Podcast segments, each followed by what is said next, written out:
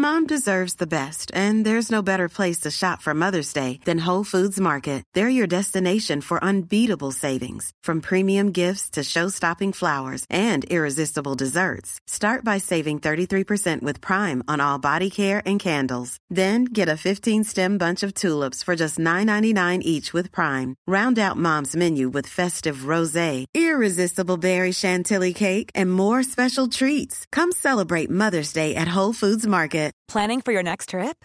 Elevate your travel style with Quince. Quince has all the jet setting essentials you'll want for your next getaway, like European linen, premium luggage options, buttery soft Italian leather bags, and so much more. And is all priced at 50 to 80% less than similar brands. Plus, Quince only works with factories that use safe and ethical manufacturing practices. Pack your bags with high-quality essentials you'll be wearing for vacations to come with Quince. Go to quince.com/pack for free shipping and 365-day returns.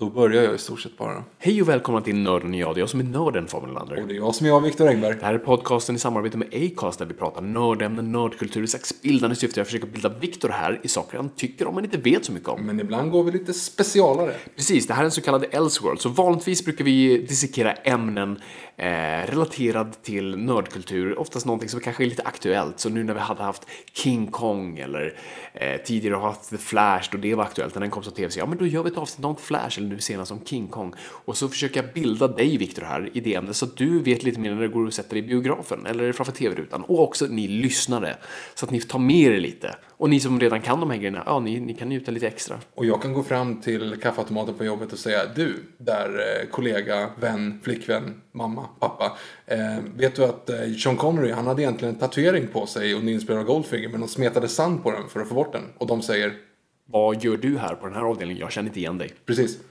Eh, och det är lite så det här fungerar. Men det är vanligtvis, det här är vad vi kallar då Elseworlds. Och Elseworlds, ja ni som läser serietidningar vet ju uppenbart vad det är. Men ni som inte vet, det är alltså ett koncept där man då, om man ville eh, leka utanför kontinuiteten i serietidningar. Så du hade dina vanliga Batman, Superman, Spiderman nummer 1, 2, 3, 4, 5 och fram till flera hundra. Eh, men om du sen ville säga, nej men nu vill vi testa att leka med Batman hur han skulle ha levt på 1800-talet. Ja men då gjorde man vad man kallade en Elseworlds. Då kunde man bara kliva utanför kontinuiteten och egentligen inte förhålla sig till någonting som hade hänt eller skulle hända. Vem som helst som hade dött kunde finnas eller vad nu den nu var. Man bara lekte med koncept och det är exakt det vi gör här i Elseworldsen. Vi går lite utanför och, och testar lite grejer, uh, leker med lite andra koncept och ibland pratar med folk, vilket är dagens fall. Eh, ett fantastiskt fall skulle jag vilja säga. Eh, Det, det mest fantastiska. Eh, Jag är så glad och ärad att vi har eh, Aron Flam här idag. Eh, Ståuppkomikern och podcasten och författaren och mm, krönikören. Eh, massjobbaren, alltihop. Aron Flam, den fantastiska Aron Flam är här och, och pratar med oss. Och vi var bara så otroligt ärade och glada eh, att han ville vara med och prata med oss. Och alltså, som alla vi intervjuar i de här eh, avsnitten så pratar vi också på olika sätt kring nördighet. För alla har sina specifika saker och Aron har ju väldigt mycket det. Så att han, han pratar bland annat om eh, ja, men sin uppväxt med serietidningar och sin relation till framförallt Spiderman. Eh, och även pratar vi lite grann hur man överlever. Precis, det är lite sådana grejer vi kommer gå in på. Och ja, jag tycker inte vi ska hålla på det mycket mer. Jag tycker vi, vi går över till Aron Det direkt. tycker jag definitivt.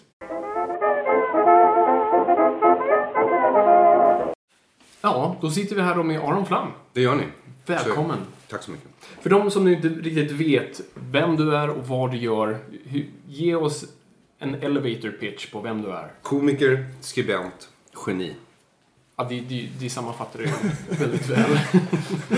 Ehm, man ska inte säga det om sig själv säger de, men eftersom ingen annan verkade säga det om mig så tänkte jag, fan, jag sätter igång. Mm, det, är, det är lika bra. Men du är då kanske främst känd för, för eh, din komedi, din stand-up. Jag hoppas det. Hur skulle du beskriva din stand-up? Eh, jag skulle beskriva den som eh, mörk och numera väldigt politisk. Mm, men det kan gå över, tror jag. Det kanske är en fas bara. Ja, det kan vara det. Eller jag tror att det är det.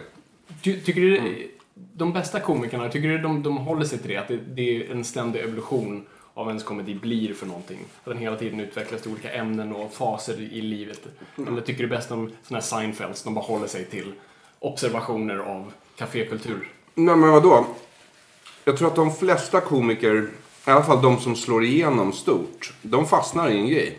Sen kör de den grejen bara. Och även om de inbillar sig att de utvecklas så tror jag inte de utvecklas så mycket. Man ser inte bara att dramaturgin aldrig utvecklas, att den alltid är densamma när man tittar på Louis CK.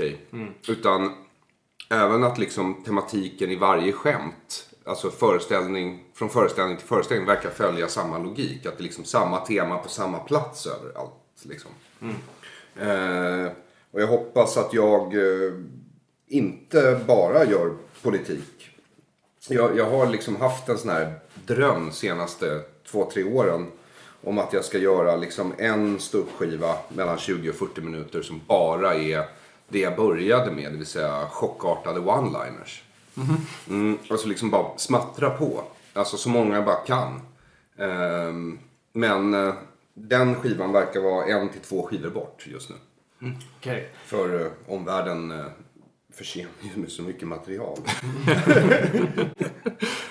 Ja, och det, ja, förlåt, Det var lite kul för vi bara eh, satt och tänkte på det lite grann här innan. Um, Stand-up slog väl igenom för allmänheten, började komma upp i TV och såna här grejer runt tidigt 2000-tal. I Sverige i alla fall. I Sverige snackar vi nu. Nej. Alltså Släng dig i brunnen är väl tidigare än så. Det kan Ni ha- snackar väl Stockholm live nu? Vi snackar Stockholm live. Ja, det, nej men Släng dig i brunnen var först i Sverige. Det var live från Norra Brunn, Släng dig i brunnen. Och det är där de här, den här första generationen ståuppare som nu är stora kulturpersonligheter. Eller vad man nu ska kalla dem för. Eh, I sin egen rätt ifrån. Henrik Schyffert tillhörde ju inte det. Han kom ju från liksom MTV. programledarskap in i komik, Ja, just det. eh, sketch liksom. Med Killinggänget. Utan vi snackar Gardell, Öss, Måns, David Batra, Johan Glans. Eh, men även liksom de som var äldre i första gardet. Liksom Babben, Adde Malmberg, Håkan Jäder. Ja, det är en och annan. Det känns Peter som, Wahlbeck för fan, får vi inte glömma. för då mördar han oss.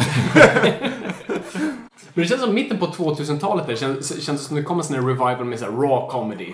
Ja. Vilket jag tyckte var rätt intressant, för jag tyckte det bara kändes som folk sa någonting väldigt politiskt korrekt och sen en svordom efteråt.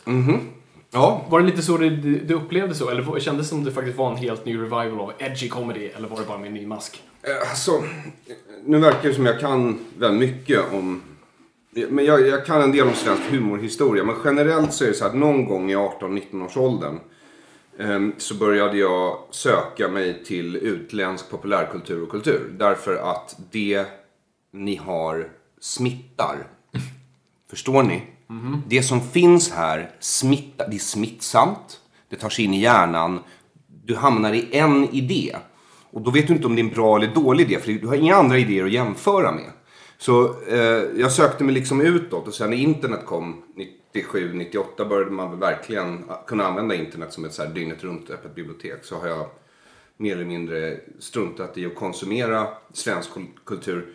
Så den komik jag började med var väldigt influerad av brittisk och amerikansk. Eh, och då var det liksom så att jag älskade politisk satir och eh, filosofisk komedi. Men jag älskade också, och det var liksom tematiskt, alltså djupa, hårda, verkliga ämnen liksom. Eh, Samtidigt som jag älskade också formen i komik och då gillade jag liksom one-liner-formen och absurdisterna bäst liksom. Eh, och min idé när jag började med stand-up det var att jag liksom skulle trycka ihop de här. Att jag skulle få in mening i one-liners. Vilket är mer eller mindre omöjligt. För one-liners bygger ju på en tvetydighet. De är ju alltid tvetydiga. Det börjar med att du säger någonting som folk håller med om och sen så kommer en bisats som får folk att se det på ett helt nytt sätt. Eh, kallas för inkongruens. Att man liksom, det är en sorts verbal avledning kan man säga. Ehm, och, och, då, och då försökte jag det då i sju år. Och eh, eh, resultatet blev en svenskfientlig afton som jag tycker materialet är oerhört roligt. Men sett utifrån mina höga anspråk så var det nog ett artistiskt misslyckande. Det, det är en intressant grej du snuddar på där, just det här hur, um, det är någon slags så konsensus i Sverige, i, i särskilt kulturen, som, som jag också verkligen känt från, från svensk, äh, svensk film. känns väldigt mycket så. Det känns som nästan en ingrodd eh, kultur i sig. Vad tror du det beror på? Varför är det så unikt svenskt att hela tiden influeras av dåliga idéer? Nej men eh, jag tror att det är så här, därför att jag har ju läst också filmvetenskap som du har. Och eh, bland annat har jag läst ett år i Kanada, filmvetenskap, Okej. eh, på University of Western Ontario. Och då halkar man in på Bergman och Lasse Hallberg och svensk film överlag. Liksom. Vi har ju haft eh, hög, så här glansdagar, svensk film, eh, speciellt under stumfilmen och sådär. Ingeborg Holm, det här fantastiska verket från 1988. 1908 om en, det är bara en kameravinkel i typ 80 minuter om en kvinnas sociala förfall. Eh, You kind of lost me there, men okej. Ja, Ja. super, super tråkig film. Enda film jag någonsin somnat under. Ehm, så den går inte att ta sig igenom. Men jag tror att det är så här. Ehm, drama bygger på konflikt. Öppen konflikt blir ett bra drama. Sverige bygger på konflikträdsla och konsensus. Eh, passiv aggressivitet är det som liksom dominerar. Alltså det är inte bara det politiska samtalet. Jag tror även i liksom familjekonstellationer. Och bor man här i några generationer, även om man har vuxit upp som jude, det smittar. Mm. Det, det, är liksom, det, det, så det aggressiva finns kvar i mig, liksom, men det finns också någonting som tar emot. Man lär sig liksom, allt eftersom man växer upp att det är bättre att hålla käften än att tala. Liksom.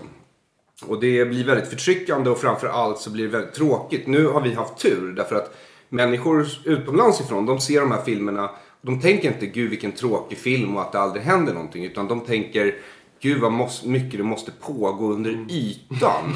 som vi inte förstår. Alltså det blir något exotiskt när de ser svensk film. Men egentligen så är det ju bara eh, en duktig manusfattare som du själv som har försökt skildra vad som händer i Sverige och kommit fram till Not very much, unfortunately. Så det är min teori i alla fall, att det har med svensk kultur att göra. Att det blir liksom, det blir aldrig drama. Drama måste ju vara konflikt liksom.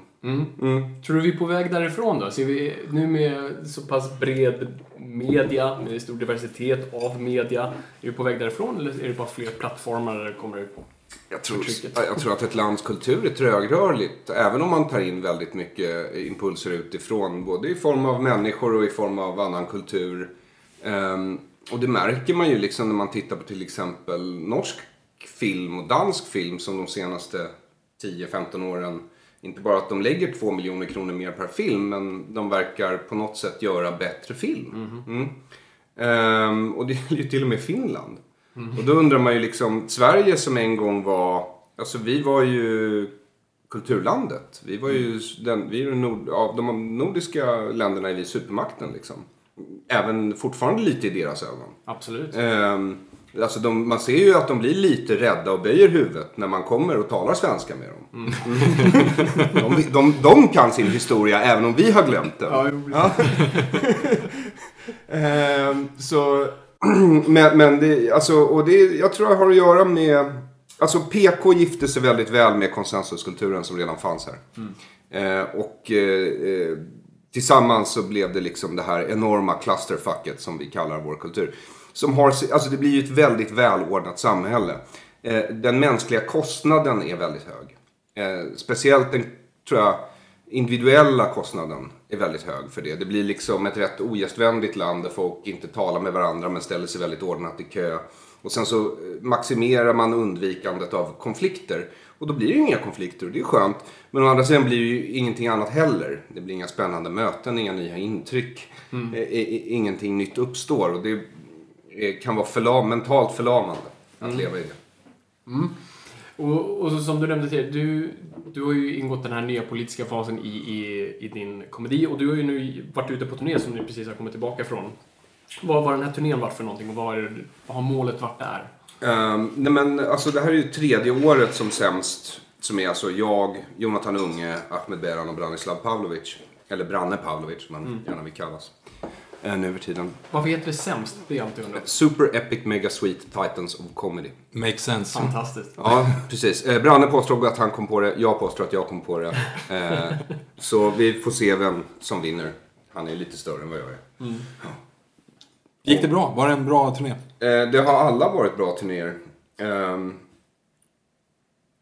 eh, fulla hus och eh, någon sorts Eriksgata. Och jag tror att eh, speciellt Ahmed och Branne är ju fortfarande riktiga klubbråttor. Alltså de är nere på gratisklubbar två, tre kvällar i veckan.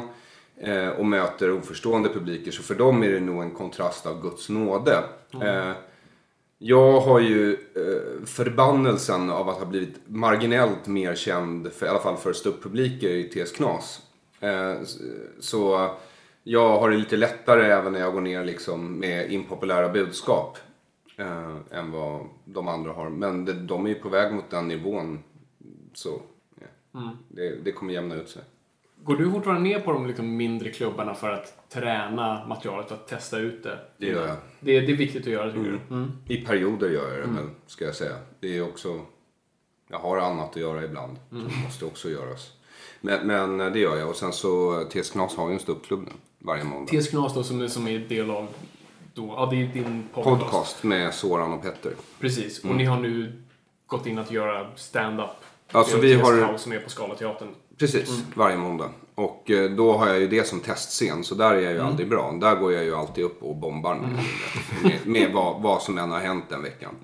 Ehm, så eh, även jag, men liksom, ja, alltså Umeå nu till exempel på den här, jag menar Umeåborna gillade oss, inget snack om det, men, men Umeåborna är ju också Umeåbor. Mm. De tänker inte skratta för någon. de kommer fram efteråt och tackar och tyckte det var roligt säger de. Ja. Hur vet jag inte, men det måste vara på insidan. Då har vi det här Ja, äh, åter. berömda. Precis. Ja, gud. Men det har jag märkt, alltså utländska kollegor som är här och uppträder för första gången. Att de, de kan få jättebra respons. Man får ofta det när man uppträder, alltså säger att man kommer från ett annat land. Publiken blir lite så här, ja ah, vad trevligt du har kommit hit för oss. Och sen så driver man lite så här hjärtligt med dem. Och så tycker de att det är roligt och så är alla kompisar. Och det brukar ju funka jättebra i Sverige också med våra mått mätt. Men alla mina kollegor utomlands ifrån som är här och kör, de är så här, alltså, they hated me. Bara, nej, nej, nej, de är sådana. Varför? Varför? Varför Men- jobbar ni med det här i det här Ja. landet i så fall? Och då, då är frågan så här, var ska vi, hur mycket är det värt? För jag menar, Sverige ser ut så här. Det är grått och trist och välordnat. Och ja, det var det.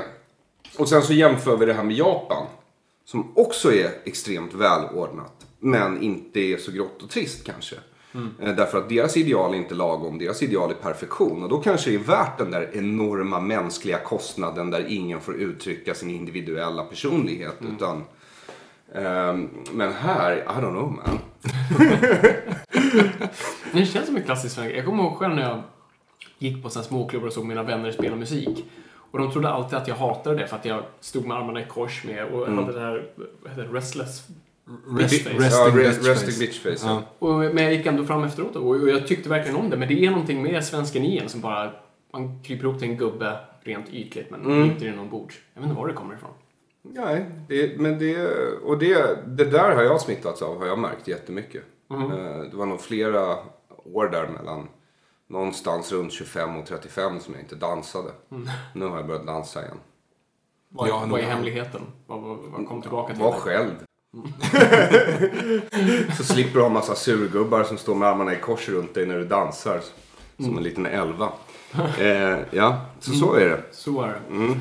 Men nu är du ju här, så, så nu undrar jag också, vad, vad fascinerar dig Aron? Vad, för det första, jag vill gå tillbaka lite. Vad fascinerar dig som barn? För det är oftast där man brukar hitta vad ens nördiga intressen börjar någonstans. Vad var det du fascinerade för som barn?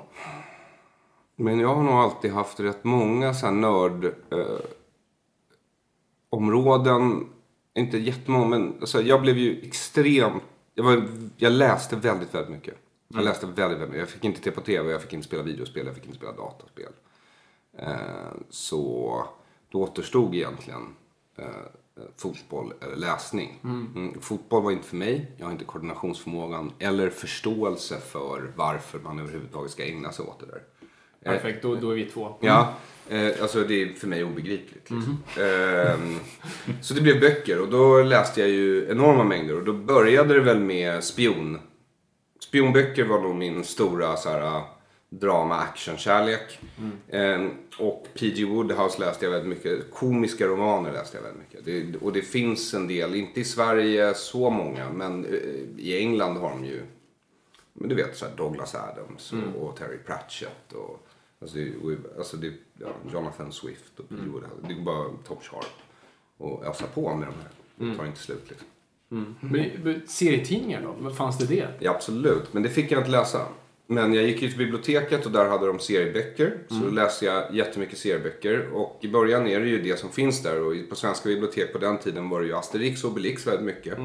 Men även massa så här konstiga franska 70-talsserier. eh, Jag vet inte vad de heter nu. Men Kapitan Falam kan ni kolla upp. För Okej. den fanns på riktigt. Eh, och Linda och någonting. Kim B Andersson hade vetat det här direkt. Eh, och sen Alvglans fanns det ett förlag som hette i Sverige som släppte så här, eh, böcker om alver. eh, som, ja, var alver. Helt enkelt. Och alvade sig. Ja, vad det säger. Ja, precis. Mm. Ja. Ja. De flesta komiker, jag kan tänka mig i alla fall amerikanska, har ju bakgrund med att läsa mycket Mad Magazine. Fanns det sånt på svenska? Absolut. Eh, Nej, det gjorde det inte. Däremot så var det så att min morfar eh, var en manisk samlare och samlade på frimärken och mynt. Helt utan värde, bara för samlandets skull. Okej. Mm. Han satt, gillade bara att klistra in dem i pärmar och sådär.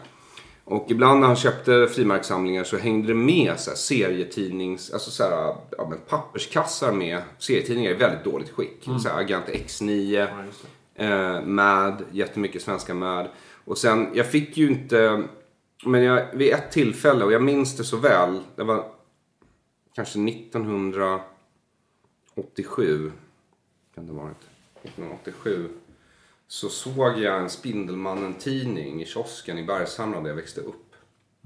Eh, där han hade fått sin nya dräkt för första gången. Den här Den svarta? den svarta symbioten som sen skulle bli vännen. Yes. Det här var under Secret Wars. Ehm, och eh, det var en sån estetiskt stark upplevelse för mig, den här svarta dräkten. Jag tyckte den var så extremt snygg. Så jag var tvungen att köpa eh, den. Och sen fick jag ju några lavetter när jag kom hem och morsan upptäckte att jag hade lagt egna pengar på eh, undermålig kultur för arbetarklass. Nej, det sa hon inte. Så, så, så säger inte min mamma. Eller tänker riktigt. Hon tänker plebejer, tror jag. Eh, men, men eh, så, eh, och det var min väg in i Marvel kan man säga. Men det, det fanns lite innan. Jag hade stött på det när jag bodde i Israel som barn. Hade jag haft så här, serietidningar på engelska som var Marvel med Wolverine och sådär. Som jag hade bläddrat i utan att kunna engelska för jag var kanske mellan 6 och 8 eller något sånt där. Ehm, och då hade jag ju fan, som barn gör, man, kan ju, man behöver inte kunna läsa. Du fantiserar ju upp dina egna berättelser runt de här bilderna. Ehm, men det kan nog ha påverkat mig när den här liksom svarta dräkten kom in i mitt liv. Och verkligen efter det så spelade det liksom ingen roll vilka lavetter jag fick. Utan det var... Eh, jag, jag älskade Spindelmannen. Han var ju eh, väldigt lätt att identifiera sig med eftersom hans vanliga jag är en nörd. Ja, precis. I, i, är det fortfarande kvar? Är Spiderman favorithjälten? Så det är ju nog inte det egentligen. Nej. Eh, Men, men eh, mitt hjärta kommer aldrig sluta klappa lite snabbare varje gång han är i närheten. Sen har ju liksom Batman varit med. Det brukar ju vara det för pojkar. Wolverine tror jag eh, en viss typ av män har en fascination för. Ehm, Men ja, det är väl de när det kommer till superhjältar egentligen. Ja. Som jag tycker är något att ha. Men det här med, med att inte få spela tv-spel och kolla på tv när man... Hur, vissa får ju den här grejen när man sen blir äldre, man revolterar mot det man inte tycker man överkonsumerar. Har, har du upplevt det någonting? Jo men det tror jag, det har med min vapensamling att göra. Okej. Därför jag, jag fick inte leka med leksaksvapen. Trots att det var det enda jag ville leka med. Och det är samma sak med de här spiongrejerna. Jag ville så jävla gärna se James Bond-filmer. För alla mina kompisar fick se James Bond-filmer. Det fick jag inte.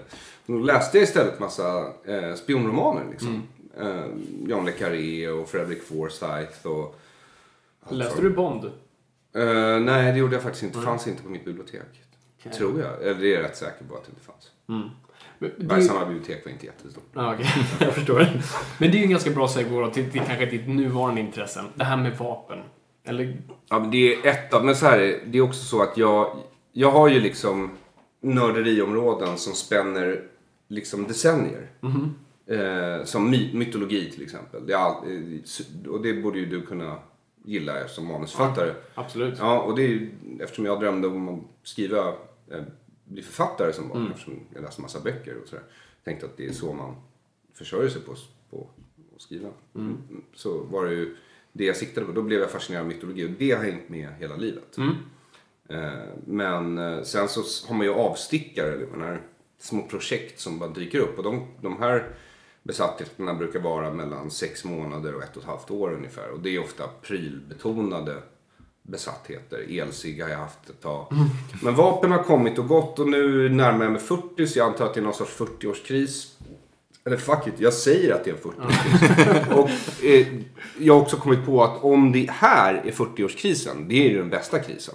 För det är ju bara prylar. Det är, ju- man köper bara roliga prylar du Absolut. inte fick ha som barn. Så nu har jag köpt en massa knivar, en hel del svärd, ett armborst och så ska jag gå med, gå med i en skytteklubb och så ska jag köpa fan ett vapen. Okej. Ja. Ja. Men är, vad är det här i grund och botten? Det är det här barnet som inte får leka med? Eller liksom, vad, vad gör man med det? Har man då tittat på? Jag, jag, Det, det har säkert förstärkts, men jag, tror, jag, jag har det där i mig. Jag bara gillar vapen. Jag gillar estetiken runt vapen. Jag gillar brutalismen. Eh, jag gillar att det är ett av människans första verktyg. Och det är de verktyg som tog oss från gamma-art till fucking Apex Predator. eh, så eh, det finns mycket man kan säga om vapen. Det är liksom en symbol för någonting. Eh, jag menar den här första spjutet eller kniven, det måste ju varit, så här, kniven speciellt, det måste ju varit liksom någon apa som stod där på savannen och såg något lejon några hundra meter bort riva ihjäl en antilop med sin klo och så måste den där apan tänka så här, en sån där vill jag ha. And he fucking got it. Ja. och sen, ja på den vägen är det liksom. Ja. Men, Men- ja, förlåt. Det, alltså är det någon... Har du något syfte med samlingen i övrigt? Det är inte så att du förväntar dig liksom att, eh, att behöva använda det utan... Är det bara för att öppna kuvert i slutändan?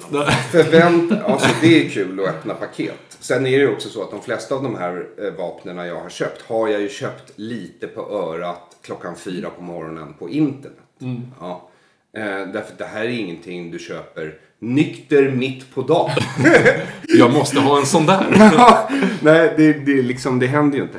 Så, så nej, jag, jag förväntar mig inte det. Eh, men det vore ju eh, tråkigt om det blev så. Men då är det å andra sidan kul att jag har den samlingen. Vad, vad sträcker det sig ifrån då? Är det små fickknivar till Ja. stora machetes? Japp. Det, det är allt där med. Ja, ja. Slangbella. Jag hör- Slangbella, Ja, okej. amerikanska militärens slangbella slog jag till på. Okej, berätta mer. Vad, vad är det som gör den military grade? Alltså tydligen så är det så de, de formgjuter liksom ett kolfiberhandtag beroende på om du är vänsterhänt eller högerhänt. Givetvis. Och sen så har de några olika modeller och jag köpte den som då är liksom för att man ska lära sig skjuta. Och tydligen så är det så att lär man sig skjuta slangbella, vilket jag inte gjort, jag har bara köpt den. eh, eh, så kan man efter det skjuta allt. Man blir bättre på pistolskytte, du blir bättre på bågskytte. Därför att det är liksom den rörelsen. Det är ett livsfarligt vapen slangbella. Jag Ja, förstår det att det jag Ja. Ehm, och de är lite coola de här. Och sen så är det feta gummiband som man köper till. Och sen så kan du köpa den här läderprylen som du håller kulan i. Eh, där har de också så att det är liksom som en urgröpning så du kan skjuta hagel med den här. Så jätt, många jättesmå kulor. Oj, jävlar. Men hur fasken, hur får du iväg det med den farten så att du faktiskt kan skada någonting? Ja men det är ju om du vill äta sparv eller ekorre sen när, du vet, efter zombieapokalypsen. Ja just det, då ja. D- Den ja. Det är inte så att du går ut på gärdet och övar utan du har inte Det lyckats få talar tillbaka vi tyst om. I Just så det. fall. Om det är så att jag går ut på Gärdet och övar på pensionärer, hundar och barn. Min löprunda har precis ändrats. Ja. Men eh, för, det är väl också så, nå- någonting som länkas med också. Du, du gillar väl serien Walking Dead? Mm, jättemycket. Vad, vad, vad är det som är så kittlande med? För det är ju världens största serie just nu. Jag tror till och med det slår Game of Thrones. Så att det är ju jättefascinerande för människor. Vad, Men det är inte zombiesarna. Nej, det är det jag också tror. Så vad, vad, är det då? För jag har aldrig varit zombie-freak. Alltså 28 dagar senare har alla sett. För det är en bra film oavsett. Men zombies i allmänhet tycker jag inte så roligt. Jag tycker inte monsterfilmer är så roligt, vare sig Godzilla. Det är, liksom, det är inte min grej. Skräckisar överlag, jag blir inte rädd för dem. Då är det inte någon större poäng. Ehm, men, men, ehm, eh, men, men just... För det var mina bröder som fick in mig på Walking Dead. För de gillar zombiesfilmer. Så vi började titta på den och jag bara, vi, vi bodde med varandra vid det tillfället. Det här var bara några år sedan så vi var vuxna män. Eh, och eh, så, ja men då tittade jag på den. Och sen så slutade de titta när zombiesarna började bli så här uh, oväsentliga. Och då började jag tycka det var kul. När zombiesarna var så här gamla och trötta och typ inte orkade någon. Bara så här irriterande, döda, döda, alltså mördödande flugor. Som är farliga om de är många. Men är det bara en så är det skitsamma typ. Eh, Men då blev plötsligt, för i den här världen så finns ju ingen el och de har ju inte tillgång till penicillin. Eh, Så varje beslut, minsta alltså skru, skrubbsår på knät, det heter skrubbsår, Det heter det. eh, blir ju på liv och död. Så då blir varje scen på liv och död. Och det är ju väldigt spännande. Man sitter liksom som på nålar genom var, alltså, bara, bara den där, nu är jag är så betingad, Pavlovskt betingad, att när den här titelmusiken kommer igång eh, så går min kropp in i något sorts paniktillstånd. och jag sitter liksom och skakar mig igenom hela de här avsnitten. För att jag inte vill att mina favoritkaraktärer ska dö. Vilket de gör, och det gillar jag också. Det är ju samma sak med Game of Thrones, det är det man gillar. Att så här, du investerar tid och energi i någon och sen bara pang, den är död. Yes! Men det ligger väl också någonting i fantasin. Folk gillar eh, Walking Dead just för att fan, liksom, tänka sig i scenariot av okej, nu är allting borta. Ja. Vad skulle jag göra? brukar, du, brukar du tänka in dig i de så här... Varje dag. Okej. En gång om dagen så tänker jag på det. Och det har jag nog gjort sedan jag var liten. Jag hade inte jättemycket kompisar eftersom jag hängde på biblioteket så det säger sig självt. Eh, men jag brukade vara nere i skogen vid Bergshamra och Ulriksdal där själv uppe i skogen. Och så brukade jag, för jag är ju en liten judepojke och det var ju väldigt tydligt för mig när jag var liten. Eh, eftersom jag liksom gick i judisk skola och sådär. Och så sitter man där i den här vikingaskogen. Det var, det är en liten skogsdunge egentligen men för en liten pojke så är det ju en skog liksom. Och så sitter du där och så tittar du ut och så ser du Danderyd på andra sidan och där ser du knappt någonting. Det är bara skog och så sticker det upp några av de här fula höghusen och sen är villorna är ju dolda i skogen bakom. Och så tittar man, det ser så sjukt ut när de poppar upp de här. Men så tänker man så här, det var inte många hundra år sedan då allt det här var skog. Det var liksom bara vikingar och riddare och det var råhäftigt i mitt huvud liksom. Um, ja, det har väl lite med det att göra. Vad var frågan? Ja. Ja, men att, att leva sig in då i, i, i scenariot, för särskilt i Walking Dead, när man ser det så att man känner att Ja, men jag har- vad skulle jag göra i den situationen? Ja, men de, de där fantasierna hänger nog med sedan barndomen. Och nu för tiden har de ju blivit mer praktiska för man är ju äldre. Så nu är det liksom så här, ja men bensin, vindkraftverk, solceller, eh, medicinskt förråd, superviktigt. Vapen, väldigt viktigt. Så du menar att du håller på nu och mer eller mindre förbereder dig för apokalypsen? Ja, men som sagt, 40-årskrisen handlar om prylar. Onödiga prylar ingen behöver. Okej, så då köper jag onödiga prylar jag kanske behöver. Det är som en livförsäkring, fast väldigt osannolikt att jag måste klippa in den. Men det är väl de flesta livförsäkringar. Har du ma- mat hemma? Som då är här som ska hålla i konservburkar och... Nej, jag har inte som... Ja, lite grann har jag sånt. Men, men jag har ju vapen. Och med vapen kan man skaffa mat. Från människor som har mat, men inga vapen. Ja, det, är, det är en bra korrelation. Eh, några så här rookie-tips här då. Vad ska man tänka på? Man ska tänka på att det kan verka lätt att ge sig på tant Andersson på tvåan. Därför att hon har mycket kattmat. Och hon är halvblind. Men då tänker man inte på att, att hon är halvblind gör att det spelar ingen roll om det är elavbrott eller inte. Ja, just det. Tant Andersson rör sig som en ninja. Tack. Nummer ett alltså. Det är nummer ett. Det är det viktigaste. Håll dig borta från tant Andersson. Hon är inte som jäkig som hon ser ut. ja, vi ska gå för de som litar mycket på sin syn helt enkelt. Precis. Och hon kan slipa upp den där aluminiumkäppen på nolltid till någonting livsfarligt. Eh, nej, men så, nej, men jag tror man ska tänka på eh, att man ska ha mat, man ska ha vatten, man ska ha värmeljus, man ska ha ett varmt täcke och om man bor i en stad som du och jag, då ska man inte ta sig någonstans. Utan de första 72 timmarna så låser du dörrar och fönster och försöker överleva här inne och så dricker du vatten ur toalettstolen. Vad, vad är funktionen i det? Att, att inte röra på sig? Är det för att man ska vänta på hjälp eller? Ja, de första 72 timmarna vet du inte vad som händer. Och det kommer antagligen vara väldigt mycket kravaller, upplopp, eh, race war, sex war, class war eh, och, och sånt. Och sen kanske det är pandemi och sådär. Så låt liksom de här första 72 timmarna blåsa över. Så att eh, de allra svagaste har dött ut. Sen, är det ju, sen kommer det bli blodigt liksom. För, för de här starkare, de har ju varit ute och kämpat mot de svagare. Så de har ju redan fått 72 timmars erfarenhet. Du saknar. Men du kanske är eh, välnärd och utsövd. Och då får du hoppas att det är det som gör skillnaden i den här situationen. Ja, det är bra. Jag vill säga, vi, vi, eh, vi hade ju lite heads up på att du kunde mycket om det här.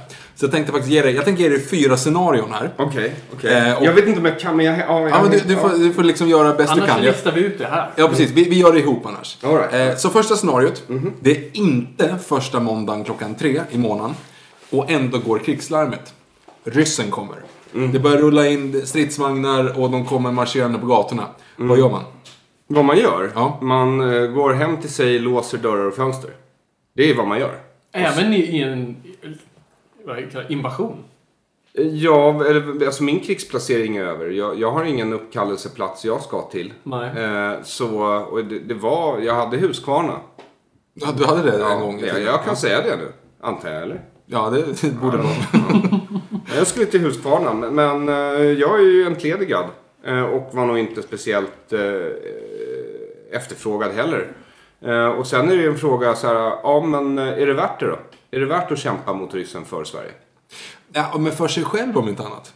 För sig själv, ja. Men och så här, okej om de vill införa en militär, alltså diktatur, det är det de vill. Ja men då vill man ju fly. Det är det man vill. Det Om, om det inte finns något väpnat motstånd här, vilket jag inte verkar tro. Det gör de inte. Vad har de sagt? Vi klarar knappt en vecka att hålla Stockholm. Ja, en vecka låter mycket ska jag säga. Tycker jag också faktiskt. Eh, Men då är det bara Stockholm. just det. Då är inget försvar i resten av... Gör en day after tomorrow och bara dra strecket runt Jag har en känsla av att jämtarna kommer ju överleva det där mycket bättre än vad vi kommer. Alltså de kommer märka, tror jag, förtrycket i mindre utsträckning och sen så går de väl bara ut och jagar och fiskar liksom. Ja, Men det är det man funderar på. Man borde ju gå ut i skogen. Nu är det lite det är svårt det här. Men det är liksom i din skogsdunge i Bergshamra. Det är kanske dit vi alla ska liksom dra. Ja, nej, jag, jag tror inte den är så bra. Men, men liksom jämtländska skogarna borde väl kanske bli lite svårare att hitta någon. Så Men då är frågan, ska du överleva då eller ska du eh, bedriva väpnat motstånd mot ryssen? För ryssar, du vet, de har haft det jättejobbigt. Jag har svårt att tro att du ska kunna göra deras liv jobbigare än vad deras föräldrar gör på daglig basis. Ja, poäng. Eh, ja, vi tillhör den här generationen som citationstecken slapp lumpen. Så att, eh, mm, nej, vi, vi är nog helt värdelösa i ett sånt här läge. Ja, ja, nej, absolut. Det är, det är de de skickar fram först. Ja. Ja, ja, ja, det är ju bara kanonmat då liksom. Men det är väl- vi alla. Operation Stay Behind the 90s liksom. Ehm, Okej, situation två. Eh, i ett, I ett eh, labb så utbryter ett virus i en eh, smittad eh, testschimpans. Den biter sin eh, laborationspartner där som då blir helt rabiat och börjar eh, törsta blod. Biter den andra, alla som blir bitna blir smittade och alla blir tokiga. Superrabies. Superrabies. På gränsen till zombie, men fortfarande Precis. believable. Liksom. Lite, ja, lite mer än 28 dagar senare. They're Ja. infected by rage. Precis, Så, för Ja. de är ju per definition inte zombies, för de har inte dött. Nej, nej, precis. nej. så att de är, de är rabiata. Så är det. Ja. Eh, vad gör man då? Eh, nej, men då, då är det återigen låsa dörrar och fönster. Men i det här fallet också tejpa för. Här är det väldigt viktigt att du har din duct tape. Och någonting jag faktiskt har. Tamiflu. Förlåt? Vänta, det känner jag igen. Ja, men när den här fågelinflu- när alla var så här rädda för fågelinfluensan. Då skulle man ju skaffa Tamiflu. Och då fanns ju inte någon Tamiflu. För någon hade ju tagit all Tamiflu. Det var min mamma. eh, så jag har ett förråd Tamiflu hemma. Jag vet inte om det funkar mot det här superrabisen. Men eh, jag ser inte dig komma med någon lösning. Nej, det är sant. Det är Eh, sant. så det är väl det. Här ska man väl också helst ha en skyddsmask och så ska man väl helst ha skyddande kläder när man ger sig ut på matraider så man inte blir biten. Och då gäller det att skydda armar, ben och hals antar jag. Ja, här är väl armborsten och manschetten ganska... Väldigt Ja. bra att ha. Spjut hade jag rekommenderat. Eh, hagelbrakare, jaktgevär. Fan, spjut. Det är... Jag har inte sett all Walking Dead, jag har bara sett de tre första säsongerna. Har du någonsin haft ett spjut? För det känns ju väldigt bra för zombies. Då håller de på avstånd. Ja, liksom. Ja men det, det finns sidokaraktärer i alla fall som har jag har sett använder spett av olika slag. Det känns ju som det man skulle. Hette han Glenn? Asiaten Han- som ja. dog nu. Precis. Ja, han, han hade väl någon sorts... Bara någon... ja, Det ser ut som en jävla ishacka eller någonting. Man bara drar ihop. Ah, Så länge ni håller dem på avstånd så känner jag så är det nog lugnt. Eh, Okej, men det är ändå ett bra scenario. Då sitter man hemma tills man, 28 dagar senare så dör de av svält. Man får ju hoppas att det är någonting liknande då, att de äter upp varandra i och så får man bara hålla ut det x antal dagar. Ja, men det är bra. Okej, scenario 3. Solstorm. Du vet, det kommer ut, all elektricitet slår ut, all... Elektromagnetisk puls. Det blir liksom, det finns ingenting. Det Jo finns då, inte. det gör. För hela mitt hem är en Faraday cage. Okej, men om vi leker med tanken. All, all lagrad media finns liksom. Det försvinner. Ja. Alla pengar i världen mer eller mindre är ju värdelösa. Berätta mer, det här låter så befriande. Internet, we're back in the stone age liksom. Mm. Vad, vad, det blir upplopp. Folk, vad gör du? Vad jag gör? Återigen. Nej men här, här, är, det, här, eh, här är, handlar det ju om att eh, samla de man älskar och helst har lite kompetens, överlevnadskompetens av någon slag. Och sen så gäller det ju att hitta ett ställe du kan försvara, där det finns färskvatten, där du kan bedriva odling inom någon sorts avgränsning som också är lättförsvarad. Eh, och sen är det väl bara att starta om civilisationen på nytt. Så gott det går. Och då gäller det liksom att mörda massa folk som kommer i närheten av dig. Eh, idka byteshandel om du hittar några andra små samhällen som uppstår. Men framför allt så kommer vara, man måste slå tillbaka nomaderna igen. Eh, därför att det är nomad eller, alltså är, vi blir tillbaka på ruta ett på något sätt. Eh, Men då är det så att min brors prepping-intresse, en av mina bröders prepping-intresse, jag tänker inte säga vilken för jag kommer inte googla honom. eh, eh, är inte vapen, utan vind, vatten och solkraft. Det är han, alltså hur man bygger det på egen hand. Det är hans lilla nörd-prepping-intresse. Det är sånt han sitter och pluggar på kvällarna. Liksom. Jag har inte sett honom sätta igång. Jo, han har nog ett litet vindkraftverk på balkongen nu när jag tänker efter. Men den kan typ ladda en mobil. Ja, och frågan är vad fan, vad fan man ska göra med mobilen i så fall när ju ingenting annat fungerar. Så, Nej, nej, precis. Nej, man får hitta Du kan någon- använda den som ficklampa, du kan använda den som kamera. Du kommer antagligen kunna använda den som kortvågsradio när solstormen har lagt sig. Eh, men i övrigt så kommer det inte, alltså, ja, alltså din, ditt mobila bank-id kommer ju vara högst onödigt. Ja. Jo, men det är det jag tycker är så fascinerande. Alltså, sol, solstormar, eller sol, elektromagnetiska pulsar, eh, tycker jag är jätteintressant just för att det, det ryker väl data, alltså, och det är inte som att det, när det sen drar över så är det över, utan det är faktiskt, det är alltid torsk. Så att det går inte liksom, det skulle ta jävligt lång tid att bygga upp det igen. Det är väl det som är så fascinerande med det. Alltså trots att... Skulle det? Jag tror- jag för mig att det är så. Det är som en...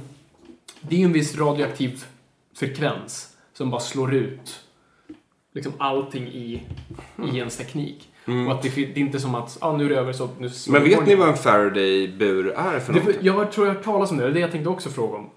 Har du en sån på riktigt? Är det det vi Nej, måste ha? men det är inte så. Nej, det har jag inte på riktigt. Och jag har verkligen inte alltså, byggt in hela mitt hem. Jag är inte elallergiker eller något liknande. Men, men det är alltså en bur som blockerar ut, Precis. någonting som blockerar ut strålning. Och det, det går att köpa väldigt lätt på nätet. På nästan alla de här prepper-hemsidorna så går det att köpa Ja, det ser ut som stora ziplock-påsar i aluminium mer eller mindre. Som är liksom blyskal. Där du kan lägga ner dina dataminnen och eh, datorer. Allting sånt kan du lägga ner. Och det, det, det kan du bygga hemma. Så att du liksom har alla dina backup-grejer går med en sla, sladd in i såna här burar.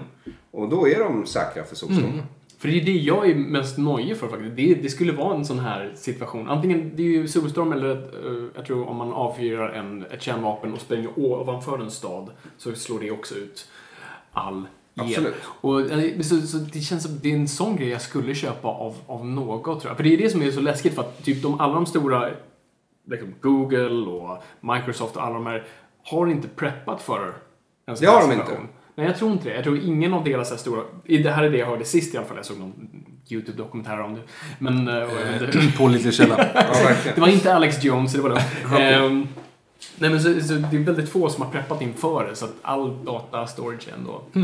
Jag förstår. Men det, det står ju i de här eh, liksom eh, prepperforumen så står det ju att man ska ju ha all sin information på USB-minnen och sen så ska man ju ha en sån här, man ska ha liksom några flash drives med all sin information på och då ska man ha det i en sån här påse hemma. Liksom. Jag ska nog skaffa en sån. De kostar nästan ingenting. Ja. Jag, jag förstår inte ens varför jag inte har köpt den. Fyra på morgonen, lite på örat. Då vet vi vad vi, vad vi ska göra fyra imorgon bitti. Bra. Mm. Situation nummer fyra. Allting rullar på till synes normalt. September om två år. Miljöpartiet får 56% av rösterna. Gustaf Fridolin blir statsminister. Vad gör du? Oj, oj, oj, oj, oj. Ja, det här är ju den värsta formen av scenario man kan tänka sig. Um, väpnat motstånd och civilt motstånd är väl det enda man kan tänka sig. Att man liksom börjar äta mycket kött, eh, inte närodlat. Men definitivt biodynamiskt, för det är tydligen superdåligt för miljön. Eh, eh, och eh, fram med grundfärgen och måla båtar. Jag håller det för väldigt osannolikt, eller hur? Han, eh, Gustav Fridolin är avslöjad. Det kommer inte att hända, hoppas jag. Men, men jag har läst IPCC-rapporten. Ni vet den här klimatpanelsrapporten. Och 2080 är det kört. Vi har missat fönstret. Så jag förstår liksom inte ens varför. Nej, vi tar ut så mycket parter det bara går till fram tills dess. Nej men alltså klimatet kommer förändras nu oavsett. Så nu handlar det mer om att vi anpassar oss. Vilket är svårare att säga till folk i Mikronesien och Bangladesh. Men eh, för de måste lära sig att flyta. Men, men eh, ja. Ja, Maldiverna är väl några, några år bort bara. Och lite Ja. så. Okej, ja men då så. Då vet vi ju eh, hur vi överlever helt enkelt. Ja, det bästa är ju, du vet hur man brukar säga så här, om jag hade en tidsmaskin skulle jag åka tillbaks i tiden och, och mörda Hitler. Ja, men Gustaf Fridolin lever ju. Okej, det får, jag tar tillbaka det. Man får inte uppmana till mord för politiker. Han är väldigt, väldigt illa omtyckt. Mörda inte Gustaf Fridolin. Krama honom om du ser honom. Då har vi en disclaimer på den. Bra. Men är din dröm någonstans att, att det skulle vara nästan vara min dröm i sån här situation, att, att bara Hur köpa följer du upp den här just jag, min jag, dröm? jag byter bara. Okej. Det är en snygg övergång måste jag säga. Mm. Från drömmar till drömmar. Ehm, att bara köpa ett hus. För, för nu har ju eh, Elon Musk eh, gått ut med det här taket, det är det här solpanelstaket som ser ut som vanliga takplattor. Mina föräldrar har en stuga vet jag med en brunn. Är inte det drömmen att bara skaffa ett hus som är helt självförsörjande? Är, det- är det Jo, liksom absolut. Men, men hur ska du skydda det här huset från folk som vill ha ditt självförsörjande hus? Jag bjuder in dig och så lånar vi ju vapen. Mm, jo, okej, ja. Men eller så tar du lite eh, eget ansvar i den här situationen. Skaffar vapen och börjar med att upprätta liksom en mur. Ja. För det, för det, alltså min, vi hade landställe i min familj, det såldes för några år sedan. Eh, mina föräldrar skilde sig. Eh, och då hade vi egen brunn och då, då låg det i ett sånt här eh, sossigt eh, stugområde. Men alla andra tog vatten från sjön och då tänkte jag det är skitbra om det blir radioaktivt eh, nedfall och sådär. För då dör alla dem, men vi är kvar. För vi har egen brunn. Och då är det liksom massa tomma hus som man kan raida. Och sen eh, booby-trappa. Så att liksom folk fastnar i dem och så kan man äta dem. Där har vi det. Smart. Det här är några år i framtiden. Men eh, Nej men 2080, det är inte helt omöjligt Nej, att det- man det liksom går måste... fort. Ja, Det precis. kommer vara swish när man är. Ja. Ja, men tack Aron. Det här, det här var väldigt bildande. Eh, Så, så avslutningsvis, vad, vad har du på G? Vad, vad, jag vad vill, du? ha, vill ni höra det nördigaste? Det vill jag höra. Okej. Så eh, jag släppte ju min ståuppspecial Kön. Eh, som är min, oppo- min tidiga opposition mot eh, genusvetenskapen då. Eh, på YouTube för några år sedan. För att ingen tv-kanal ville köpa in den. Eh, på grund av bristande kvalitet. Nu gör jag citationstecken i luften här. Det är inte bristande kvalitet, det är censur. Eh, rädsla, so- social nervositet kan man säga. Eh, som gör att de inte köpte in. Men, men den bad jag folk swisha för. Så jag fick in eh, strax över 100 000 kronor. Eh, och de pengarna, en stor del av de pengarna eh, har jag nu lagt på att spela in tre stycken superhjältesketcher. Okej. Eh, som jag har skrivit manus till i flera år. Eh, och eh, jag vill inte avslöja för mycket men det är en sketch med Hulken, en sketch med Captain America och en sketch med Spindelmannen. Och eh, vi håller på, vi har just eh, fått första råklippningen, vi ska klippa dem, sen måste jag fixa i alla fall inte gratis men så gratis som det går för de pengar som är kvar. Eh, grading och eh, ljudmixning och sen så lägger jag upp dem på YouTube och så kanske en Kickstarter till där man kan donera pengar om man vill se fler i den här serien. Och om jag inte då blir stämd av Marvel. Den, den där detaljen. Men nu är det lugnt för nu har de Disney bakom sig. så Ja, de precis. Är, ju- de är ju kända för att lugna. Jag, jag tänker att jag ska komma undan genom att det är satir och att jag ska döpa om de här till eh, liknande namn som Men det kan faktiskt funka. Det är ju så porr fungerar. Alltså, man, det finns ju i alla fall i Shaving. Ryans Privates. Nej, men du behöver inte ens göra det. I, USA är det okej att göra liksom nästan rakt av ta titlar och karaktärer så länge du sätter parody i titeln. Så där har du Avengers, a porn parody. Ja. Batman vs Superman, a porn parody. Och då är det ju okej. Så att, jag, jag kan inte riktigt de svenska lagarna på det. Men Nej, nej men, så, nej, men det, det är vad jag har kommit fram till i mina efterforskningar. Och då hoppas jag liksom att jag ska komma undan med hjälp av det. Avengers, en parodi. Ja, precis. Eller en parody parody. Det kan man ju ha. Man dubbelt skyddad borde man ju tekniskt sett vara. Parody parody. Eh, Och, och tack för eh, att du har bekräftat mina fördomar. Alltså det här, jag har lyckats komma fram till samma sak själv. Men jag tänker nu ta ditt ord som juridisk expertis och Perfekt. åberopa det i rätten om Marvel kommer springande så hänvisar jag dem bara till Det är dig. jättebra. Hänvisar den podden, det är inspelat. Eh, ja, Precis, hänvisa från en filmkunskap med ett läm till en annan. Ja. Du läste också under Tina Rosenbergs prefektur då antar jag? Nej, det gjorde jag inte. Hon, hon var nog inte kvar. Jag, jag kommer faktiskt inte ihåg. Det var en massa olika. Mm, men det, ja, en massa postmodernism som de försökte banka in i huvudet på det. Så. Massa sånt. Massa sånt, självklart. Eh, vad, har du annars på, på G, Aron? Eh, Ja, nej, men, du, eh, har, du har massa podcast. Just det, vad är Dekonstruktiv kritik Mm. eh, är en liten podcast jag ägnar mig åt där jag det här året krossar socialismen. Okej. Eh, därför att det är dags.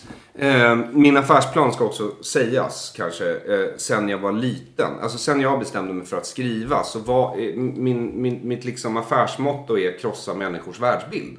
Oavsett vad det är för världsbild, även min egen. Alltså därför att jag tror att det är en nyttig övning. Att liksom så tvivel, för tvivel är bra. Övertygade människor blir fanatiker. Det man vill ha, alltså, men sen är jag ju övertygad under det året jag krossar just det. Liksom. Man får ju lägga sina tvivel åt sidan för att vara en yrkesman liksom, eller kvinna. Eh, men så, så eh, det här året krossar jag socialismen i dekonstruktiv kritik och det går fantastiskt bra. Det blir färre och färre lyssnare för varje avsnitt men Patreon går upp, upp, upp. Okej, så då, men då, då har du en stor lyssnarskara i Frankrike gissar jag. I don't fucking know. jag, jag, jag tittar inte på statistik och låter mig inte styras av det. Men jag försöker visa hur eh, många av dem... Jag tror så här att det fanns mycket i svensk kultur när socialismen kom till Sverige eh, vid förra sekelskiftet, alltså 1800-1900-tal. Eh, som gifte sig väldigt väl med socialism. Alltså kollektivismen, eh, konsensuskulturen, eh, konformiteten, konflikter. Allt det där funkade väldigt bra i Sverige. Så att lägga allting på socialismen kanske är att ta i. Men jag försöker göra en retorisk poäng genom att visa hur i alla fall vissa saker det senaste halva århundradet hänger ihop med just att vi har mer eller mindre varit en frivillig enpartistat. Eh, som då var socialistisk. Intressant. Och sen har du TS Knas också. Så har jag TS Knas med Soran och Petter. Och TS Knas fortsätter vecka efter vecka, år efter år. Den är jättestor, den går jättebra. Vi har ofta en gäst. Vi snackar skit. Det är som morgonradio utan musik. Vissa människor tycker om det om du jobbar eh, med någonting som du eh, finner ännu mer hjärndött än vårt babbel. Välj oss. Istället för eh, till exempel Alex och Sigge som är Jockiboi och Jonna fast i poddform. Eh, Eh, så det, det är bara ett tips. Eh, så slipper du ha det, liksom, du slipper få det som Filip och Fredrik har eller det som Alex och Sigge, för det smittar. eh, så det är viktigt att komma ihåg. Men eh, sketcher, dekonstruktiv kritik, TS Knas, min standup, se den. Följ mig i sociala medier om ni vill. Jag finns i sociala medier. Det går inte att bli kompis med mig Here's a cool fact a crocodile can't stick out its tongue. Another cool fact you can get short term health insurance for a month or just under a year in some states. United Healthcare short term insurance plans are designed for people who are between jobs, coming off their parents' plan, or turning a side hustle into a full time gig. Underwritten by Golden Rule Insurance Company, they offer flexible, budget friendly coverage with access to a nationwide network of doctors and hospitals. Get more cool facts about United Healthcare short term plans at uh1.com. Many of us have those stubborn pounds that seem impossible to lose, no matter how good we eat or how hard we work out. My solution is PlushCare. PlushCare is a leading telehealth provider with doctors who are there for you day and night to partner with you in your weight loss journey. They can prescribe FDA-approved weight loss medications like Wagovi and Zepbound for those who qualify. Plus, they accept most insurance plans. To get started, visit plushcare.com slash weight loss. That's plushcare.com slash weight loss. There's never been a faster or easier way to start your weight loss journey than with PlushCare. PlushCare accepts most insurance plans and gives you online access to board-certified physicians who can prescribe FDA-approved weight loss medications like Wigovi and Zepbound for those who qualify. Take charge of your health and speak with a board-certified physician about a weight loss plan that's right for you. Get started today at plushcare.com slash weight loss. That's plushcare.com slash weight loss. plushcare.com slash weight loss. På Facebook längre för jag har nått maxtaket av 5000 vänner men det går för att följa mig där. Så följ mig där. Man kan lägga till mig på Snapchat. Jag snappar väldigt sällan för jag tycker det är ett idiotiskt medie. Så, Där har vi det. Perfekt. Tack så jättemycket för att du ville komma till Nörden och jag. tack så jättemycket. Tack Aron.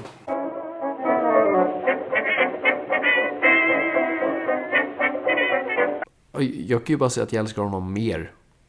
Och jag, jag tror inte man kunde det, men ja.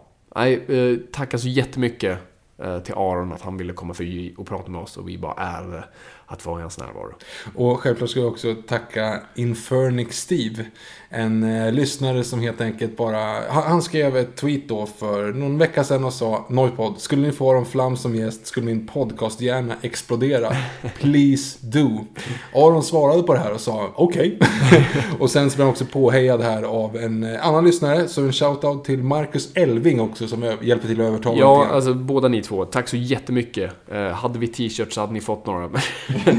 eh, stort tack. Eh, vi, ja, det är tack vare er att det här, här skedde. Så att, eh, tack så jättemycket. Ni, ni är underbara. Ni, ni är på, på, vad ska vi säga, på vår Mount Rushmore. Noipod Mount Rushmore nu. Ja, gud ja. Om, det, om vi någon gång bygger ett Noipod Mount Rushmore så vet ni att ni har en plats. Precis. Eh, ni har också skrivit lite frågor. Ja, det brukar vi också göra med Ellsworthen. Vi, vi kör en liten frågestund. Eh, människor som har lite frågor kring, eh, ja, egentligen film, serietidningar, filmskapande. Jag jobbar ju inom film. Eh, du jobbar inom bank. Jag vet inte om folk har finansfrågor, men eh, ja. Det är väldigt sällan hända. det kommer. Men vi, i alla fall har ju fått lite frågor här in på hashtag Noipod i våra sociala medier. På Twitter och Instagram. Hashtag NOJPOD som nörden är jag och podd. Precis. Ska jag börja på Twitter? Gjort! Yes, eh, då har vi här på Twitter uh, at Neo äh, Rasic. Eh, man blir så anglofierad, man ser allting på engelska på Twitter. Eh, Hej igen! Har ni sett Get Out? Och i så fall, vad tyckte ni? Själv blev man inte besviken. Jag tyckte den var fantastiskt bra. Jag har sett Get Out, har du sett den? Jag vet inte vad det är. Eh, Jordan Peels eh, debutfilm. Jag är ett stort fan av eh, P. Keel. Eh, och han har nu, alltså Jordan Peele då, som är del av den duon har gjort en skräckfilm som heter Get Out. I see. Men Eh. inte Kim Peel typ komiker. Jo, precis. Och det är det som är så kul att... eh, jag älskar när komiker gör skräck. Det blir oftast nästan bättre för de förstår. För det är egentligen samma grej. Eh, Det är en motvillig... Eller inte motvillig, men det är en spontan, okontrollerbar reaktion. Vare sig om det är skratt eller skrik. Eh, Så det fungerar ofta på samma sätt. Jag såg Get Out, jag var riktigt taggad och jag måste säga att jag var lite besviken. Jag tyckte, jag tyckte väldigt mycket om den, men jag, jag gillade inte tredje akten. Eller gillade inte, jag blev besviken av tredje akten. Eh, Jag hade förväntat mig, för Jordan Peele hade pratat mycket om Rosemary's Baby, så det var lite det jag gick in med. Den slags filmen han gjorde. Och jag tyckte att han tog den enk- enkla vägen ut mot slutet, utan att, utan att avslöja någonting. Ehm, Men annars, jag är jätteglad att bara se en smart eh, skräckfilm som inte går för att bara smälla symboler bakom öronen på den, utan faktiskt här, jobba med stämning och känsla och karaktär. Så det, det var jag jätteglad över. Så det, det, det är en bortskämd besvikelse, men jag, jag, jag är glad att den finns. Ehm, Neo fortsätter här eh, och tack för jättebra tips i förra avsnittet. Skriver just nu varje dag. Ni motiverar, motiverar mig verkligen. Det gör mig tårögd. Eh, Du är kul. också på Mount Rushmore nu. Skitbra. Keep on going. Eh, det, det är precis det man vill höra. Uh, fan, ja, fortsätt kämpa. Du, du kommer bara bli bättre av det. Vi fortsätter. At Iceman understreck Joe. Manusförfattaren Steve Salien har skrivit verk som regisserat av Steven Spielberg, Martin Scorsese, Ridley Scott och David Fincher. Wow! Utropstecken.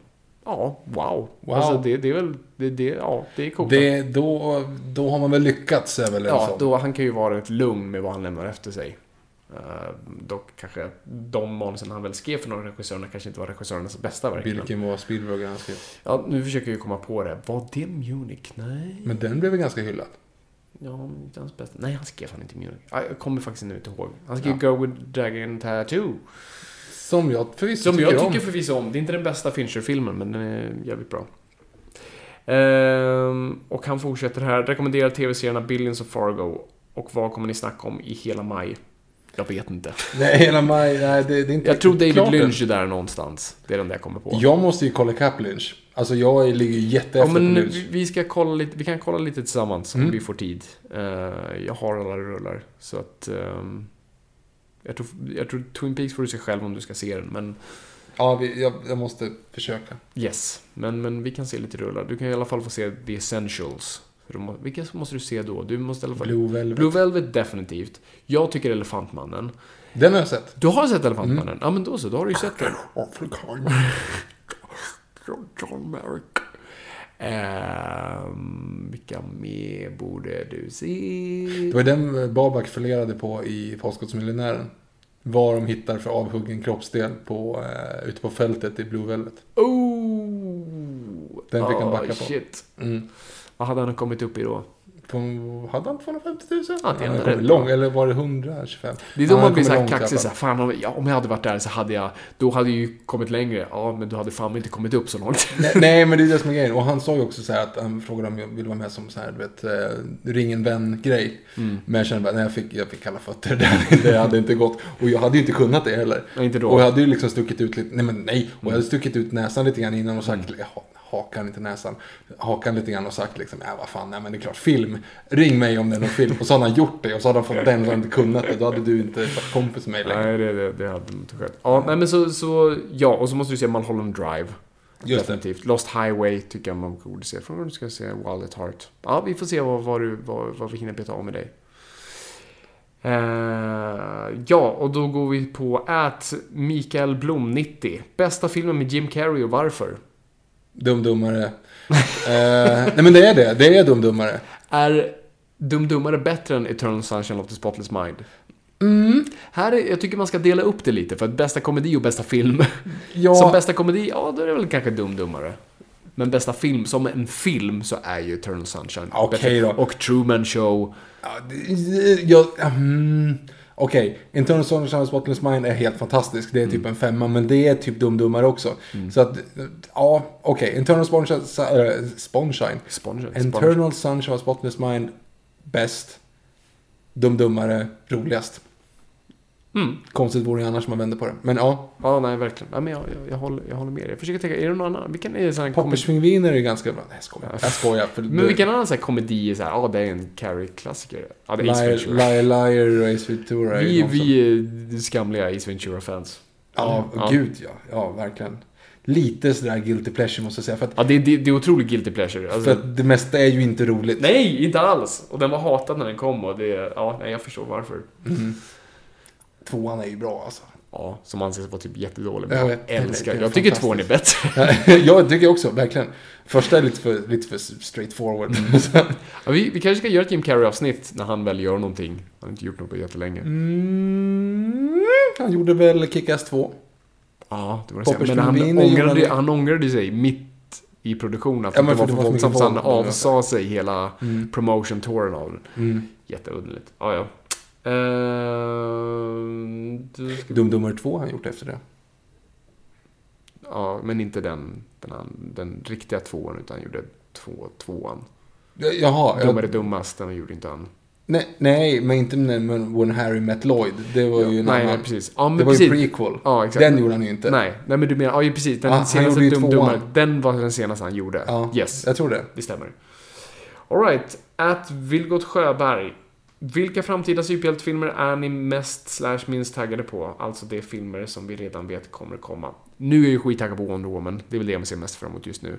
Thor Ragnarök av någon konstig anledning. För det är ingen konstig anledning. Kolla trailern. Ja, jag är verkligen. Eh, Jag gick klart helt taggad på Justice League. Jag är nog minst- minst taggad på Ant-Man and the Wasp.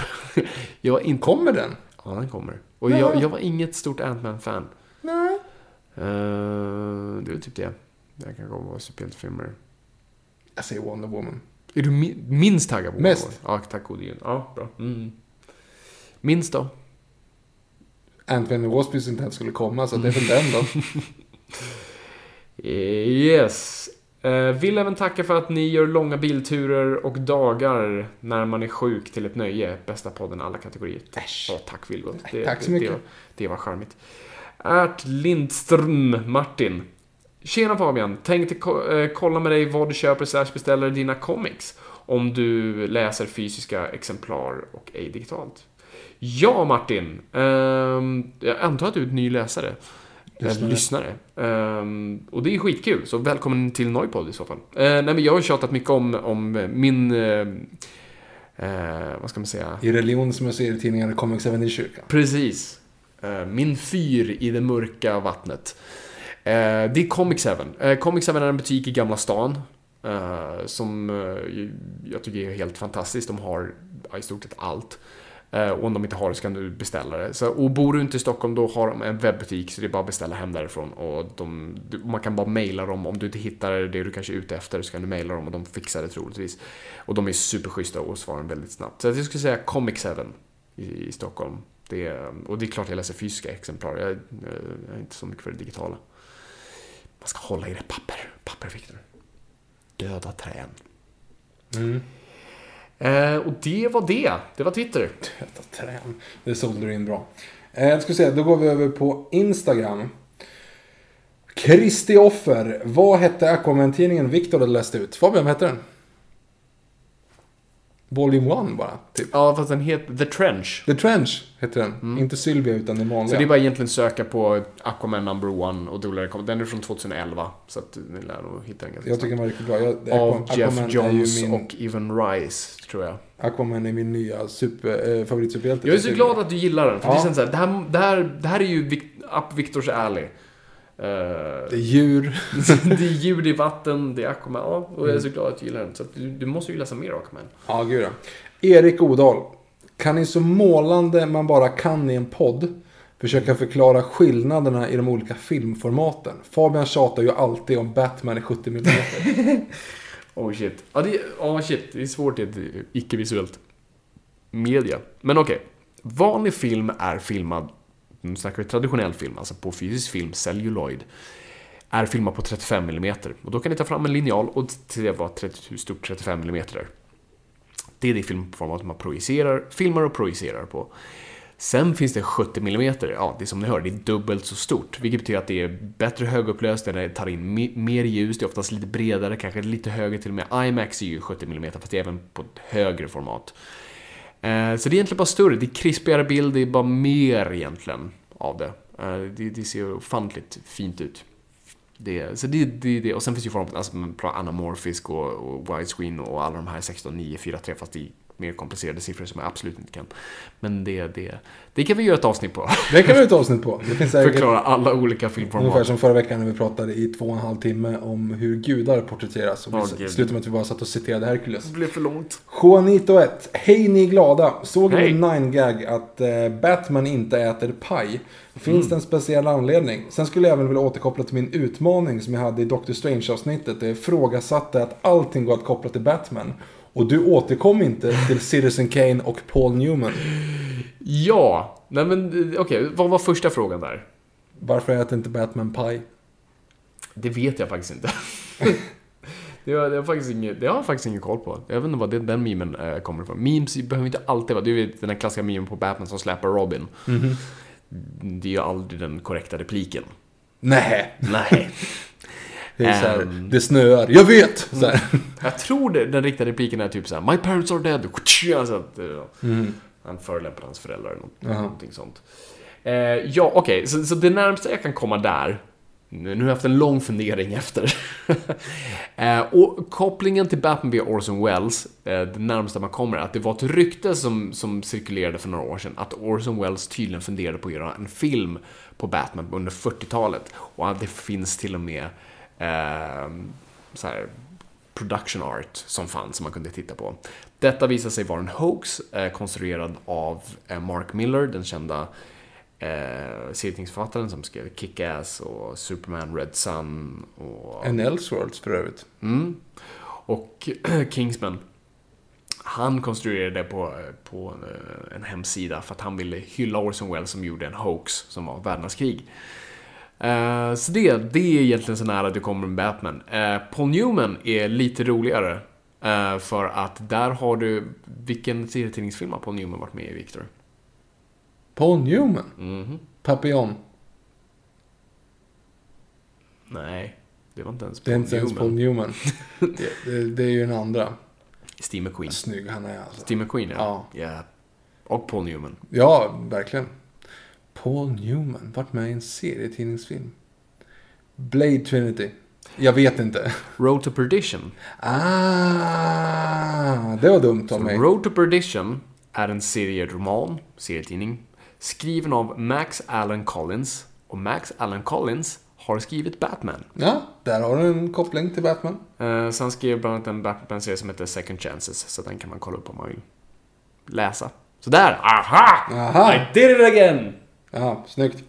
Eh, Chimp 83. Tittar ni på Penny Dreadful? Eva Green spelar skitbra i den. Speciellt en scen när de har en seans vid ett bord. Bra podd som vanligt. Åh, tack. Jag bara såg pilotavsnittet av Penny Dreadful och sa oh, det här är up my alley. Och sen har jag bara inte liksom... Det är så mycket serier där ute. Och i den så har hon inte en scen med en seans vid ett bord. I, I piloten? Nej, jag tror inte det. Nej, nej, då har du inte sett den. Då vet inte jag. Nej, jag- Men eh, jag är ett stort fan av Evergreen. Eh, Jag gillar såna här, jag gillar viktorianska grejer och särskilt när man så här korsar uni- universum. Eh, Så att, ja, jag ska se den. När jag skalat bort massa annat. Riedelman, det sämsta med Noipod är att man skrattar för mycket ute bland folk. Men vad spelar det för roll? Ni är grymma, all kärlek till er. Ja, tack så jättemycket. Tack själv. Frågan är, vilken som är den bästa filmduon framför och bakom kameran samt karaktärsduos? Eh, hoppas ni förstår vad jag menar. Har det gått. PS till Viktor. Gick nästan för er, men vi i Skåne, vi i Skåne är snäppet vassare. Han syftar på att Malmö FF slog Djurgården med 3-2 för Ja, någon vecka sedan. ni gjorde två mål ändå. Bättre än noll. Det är det. Eh, ja, alltså en sån här klassisk det är ju typ Robert De Niro och Martin Scorsese. Ja, ja. Eh, man skulle vilja säga, nu gör ju de sin andra film tillsammans, så man kan inte riktigt kalla dem en team, men det är ju Daniel Day-Lewis och Paul Thomas Anderson, men de är bara ju...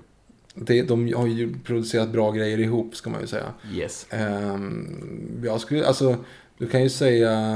ehm, men gud, Nolan och Cillian Murphy. Ja, det är De bra. har ju producerat duo. bra ihop, men det kanske beror mer på Nolan än Murphy. Men Ja, Brad Pitt och eh, David Fincher. ja, just det. De har inte studsat helt duo. fel. Mm. Ehm, du har eh, Nicolas Cage och hans björnkostym. Ja, nu tänker du karaktären nu. Ja, ja, Typ precis. Ja, du kan ju blanda. Paul Newman och Steve McQueen är ett bra team. Se upp, vad är? Richard Pryor och, ehm, men gud, Young Frankenstein. Gene Wilder. Gene Wilder. I massa filmer. Men, Mm, Mel eh, Brooks och Gene Wilder i massa Mel filmer. Brooks i Gene Wilder, där har den ju. Det är där är den bästa. Ja, det är fan den bästa, det är helt klart. Mm. Där kom den. Där kom den. Och sen Paul Newman och mest Butch Cassidy och Sundance Kid, men de gjorde ju annat också. Fint. Eh. Uddenberg. Läste på Moviescene att filmen Life eventuellt är en prequel till kommande Venom-filmen. I trailern till Life är det nämligen ett klipp från en Spider-Man-film. Tankar om det här? Det är bara för att Fox äger Spider-Man, men nej, jag tror, jag tror nej, nej. Jag tror inte på Tror jag, jag, inte? jag har inte sett filmen, så jag kan egentligen inte basera det på an, an, annat än det låter korkat. Och jag säger inte att du kära lyssnare är korkad, jag säger att den som skrev den som kom Men- på den teorin är korkad. Men tänk om den, alltså eftersom du inte har sett den. Då är jag tänk om korkad det då. slutar med att, att eh, det är en symbiot som liksom sätter sig fast på eh, Ryan Gosling. Eh, Ryan Gosling. Vem är det som är? Vad heter han? Manginello som spelade... Nej, vänta. Jo, han spelade väl? Nej, är det han? Jo, nej, jo, nej. Nej, han, Nej, han spelar ju bara Flash. Det är, nej. han spelar ju strippa i Magic Mike. Ja, precis. Där har du det. ja, du men menar Deadshot. That 70 Show-snubben. Ja. Nej, han som är huvudrollen i... Brock. Nej. Ja, in, nej, inte Brock. Jag tänkte på han som är huvudrollen i Life. Jag har inte sett Life. Men det är ju en kändis. Ryan Reynolds. Ryan Reynolds. Sa jag inte det? Nej, det sa jag inte. Jag sa Han är. Deadpool. Det, ja, jag vet. Men, ja, men att han fastnar på...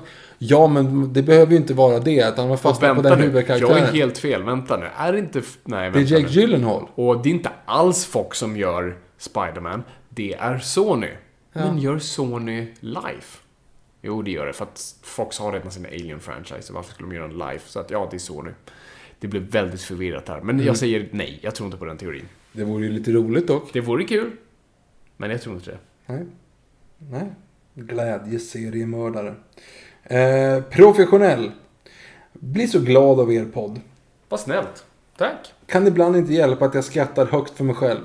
Folk omkring glor konstigt på mig. Det verkar vara ett genomgående tema här. Ja, och jag tackar ju för det. Alltså, det här är ju bara, det är bara så här ego-boost att ni håller på och skriver sånt här. Det, Jag har inget emot det. Jag Nej, men det är kul att ni gör av det det. Det, det ändå tyder på att ah, vi, vi, gör, vi gör någonting rätt i alla fall. Eh, men professionell här ställer också en fråga. För att man måste ju ställa en fråga också när man kommenterar. Och avsluta med Fabian. Hade du diskhandskar på dig på Comic Con? Det hade jag. Ja, bra fråga. Jag hittade ingen Batman-handskar. Och det skulle vara en poängen med att det var, det var en homemade Batman-suit. Med tanke på era, eh, Bo Ingvar här.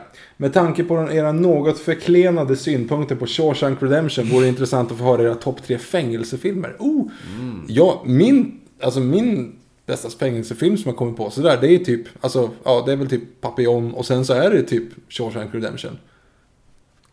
Green Mile. Green Mile innan Shawshank Redemption.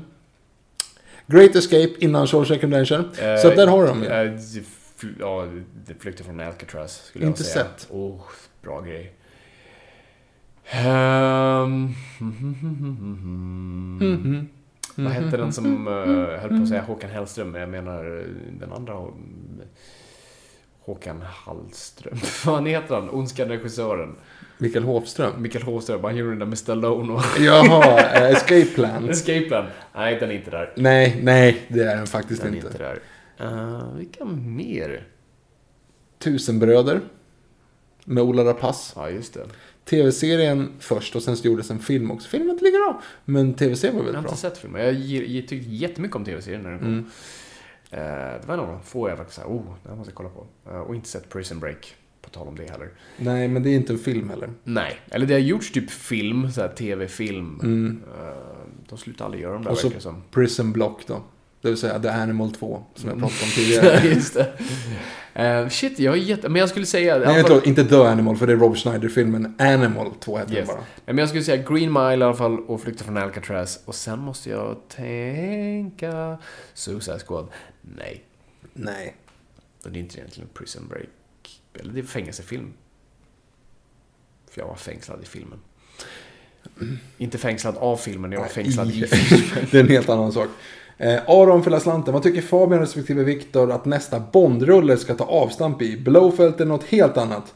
Sen hoppas jag verkligen på ett Beck-maraton. Ni gör en småbarnspappa i Östergötland själaglad. Tack för en kanonpodd.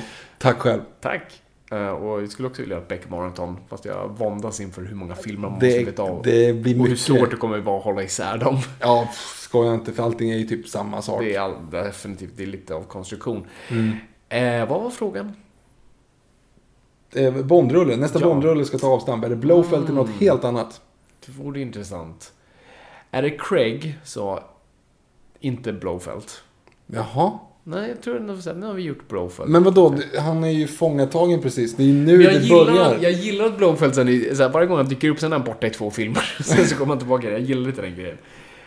Ehm, jag vet inte vad jag skulle vilja med den här. Alltså det, jo, vet du vad jag vill, jo, vet du vad jag vill se i, i nästa Bond-film?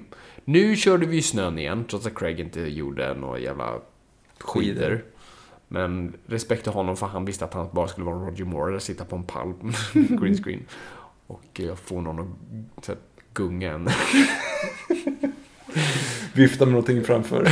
Så här en liten en boll på ett snöre. Så här, Titta här Roger! Reagera! Reagera! Och jag hittade nu på Twitter, jag retweetade det. Det är en, en snubbe, en, en reporter som hittade en bok av Roger Moore som beskriver produktionen under eh, Live and Let Die. Och det är bland det roligaste som finns. Kolla på min Twitter så kan ni tänka. För han hitt, alltså, Roger Moore är ju galen. Han liksom skriver om hur han skäller på sin fru för hon inte kommer ihåg hans födelsedag. Riktigt konstig grej. Och hur Harry Saltzman var mot servitörer. Eh, det är jätteroligt. Och jätterasistiskt. Han som sen blev eh, ambassadör för FN. Unicef. Unicef. Ja, men jag sa inte vad jag ville nu att nästa Bondfilm skulle vara. Och den ska vara vattenbaserad. Vi har inte haft en dyk Vill vattenbaserad inte film på jättelänge. en dyk Jo, igen. jag tänkte se Daniel Craig i en swimsuit. Ja men, eh, jag, en du har ju... Ja, men du har ju kom- swimsuit. Det tänker jag såhär, olympier. Nej, men nej. Jo. Nej, inte, jag vill inte ha en Kniv i ankeln och så skär loss folks syrgas. Nej, jag vill Nej, jag vill det. inte Jag ha vill en se det. Thunderbolt igen. Nej, men ta Thunderbolt igen. Men du kan ha... Det är bara Thunderbolt som är den. Och sen så lägger du upp, skickar upp Never rymden och kör samma sak. Okej, så nu har jag alltså Thunderbolt och to Tomorrow Never Dies. Det är de två du försöker återkomma till. Vänta, det måste finnas... Vilka fan dyker de i? De Det dyker är ju fan typ inga. Jo, jo, de dyker också i For Your Only lite. Men det är inte så Men det är bara bilen. Nej, nej, nej. Det är, för, det är The Spy Who Loved Me. Det här är du vet när de ska dyka när de, i den här stora robotdräkten kommer och jagar dem. Ja, just det. Ja, det är jättespännande. Verkligen. Nej, det är inte heller så spännande. Nej, men- för att allting går det där, i har sett- det måste, ultrarapid. det just, måste göras mer, helt enkelt. Och sen Goldfinger, en av de bästa inledningarna. Du, du ser honom inte dyka, men du ser honom komma upp ur vattnet i alla fall. Ja, men okej, så du vill ha en scen när, när Daniel Craig kommer upp i vattnet igen? Och tar av sig våtdräkten, men den här gången är han naken. Mm. Det är det jag vill ha. Nästa fråga. Mullvadens CEO. När kommer avsnitten om gangsterfilmen och noir? Mm. Eh, tror man måste kolla igenom säsong två av Twin Peaks inför den nya säsongen. Och blir ett avsnitt om historiska händelser på film. Wow, shit det var många. Film noir, definitivt. Det kommer någon gång. Eh. När? Vet jag inte. Nej, jag vet inte heller. Men det, det, det är en sån här, det, det är en av de här vita The, vanorna. Rock, the Rock där. Var det krimrullar? Vad sa? Eh, Nej, tror, ja, eller ja, gangster och Gangster. noir. Men Ja, det kommer det är väl lite samma sak. Men... Tror ni att man måste kolla igenom säsong två av Twin Peaks inför nya säsongen? Ja, Alltså, om du inte har sett Twin Peaks, då ska du se hela serien. Men visst är det lite så här, ja jag såg det och jag kommer inte ihåg så mycket och jag vill bara färska minnet. Ja visst, se om säsong två. Det är inte en bra säsong, förutom sista avsnittet. Eh, men ja, visst, färska upp minnet. Men för guds skull, men om du inte har sett Twin Peaks, va? Nej, se inte andra säsongen. Det är inte, man kan inte bara hoppa in i det. Jag Se tror om- att han menar att man måste se säsong två för att se säsong tre. Ja, nej, du ska se hela serien. Ja, ja, ja, men då måste du se säsong två också. Ja, gud ja. Ja, ja, ja. ja, Ja, det tyvärr, det du måste, du måste jobba dig igenom det. Och sen när det blir ett avsnitt om historiska händelser på film. Mm, det är Alltså, ju något lite för dig Ja, nästan. men den skulle vi kunna ta någon gång. Om det blir något mer historiskt. Alltså, Dunkirk kommer vi väl att köra... blir andra världskriget-filmer. Andra världskriget-filmer, vilket är lite grann, men inte så här historiska händelser Nej. överlag. Eh, vi får se om vi trycker in den. Ja, men det kan ju bli så här, om det blir någon sån här e om det kommer till en sån här Titanic-esk film, då kan vi ju prata om så här historiska, stora händelser på Mm. film. Vasaskeppet-filmen. Den lär vi aldrig få se. För dyrt. Eller? Ja, för dyrt och 12 minuter lång för att de var inte ute på vattnet så Nej, det är inte så spännande och ingen hinner ha sex på skeppet. Och det, Ja, det är väldigt svårt med en romans, eller det är en quickie på kanonkulorna och sen så... Det är, jag säger så här, jag, jag säger inte att det är svårt att det var en romans för att det bara är män ombord. Nej, det var inte det jag syftade på. Nej, syftade på men att jag det- syftade på det för att det var typ för, för legat med dödsstraff. Alltså att vara homosexuell på 1600-talet. Som är att det var väldigt, det var svårt. Det var svårt, men det var också kort instans eftersom skeppet sjönk. Ja, det är svårt att göra en engagerande romantik liksom kring det. För det är ett sjunkande skepp som sjunker asfort dessutom. det bara välter och sjunker. Det är inte liksom att det är inte så här Two hours! Two hours! The California will answer. Ja. nej, nej förlåt. Eh, four hours säger nu. Förlåt, inte two hours. Det är två hours. Det hade inte räckt för filmen är 15 timmar lång. Jo, men han säger ju att det tar två timmar innan skeppet sjunker. Alltså en, en timme, två max. Så här, om sjunkande skotten, täta skotten. Han hade fel. Eh, nej, två timmar tar det ju. Men, Okej. Och då så säger du med så här, ja, Carpathia har, han, har svarat. att De är här om fyra timmar. Ja, just det. Four hours! Och så då inser han ju då att skit, liksom. Ja, Eh, och sen så blandar det ihop dem med, jag sa inte Carpathia will answer, utan det är ju Rohan answer, det är samma skådis. Ah. Men fyra år senare i en helt annan kontext. Mhm. eh, Emil, nej förlåt, M-kvist Media. Om ni ser på film hemma i soffan och ska äta något till, vad äter ni helst? Krabba. Lyssna på förra avsnittet om ni vill förstå. Ja, Lyssna får- igenom hela avsnittet. Ja, det, det, det, för absolut liten payoff. Ja, det, det, är ett lit, det är ett skämt som ni förstår i, om ni lyssnar typ sista fem minuterna på förra avsnittet. Exakt.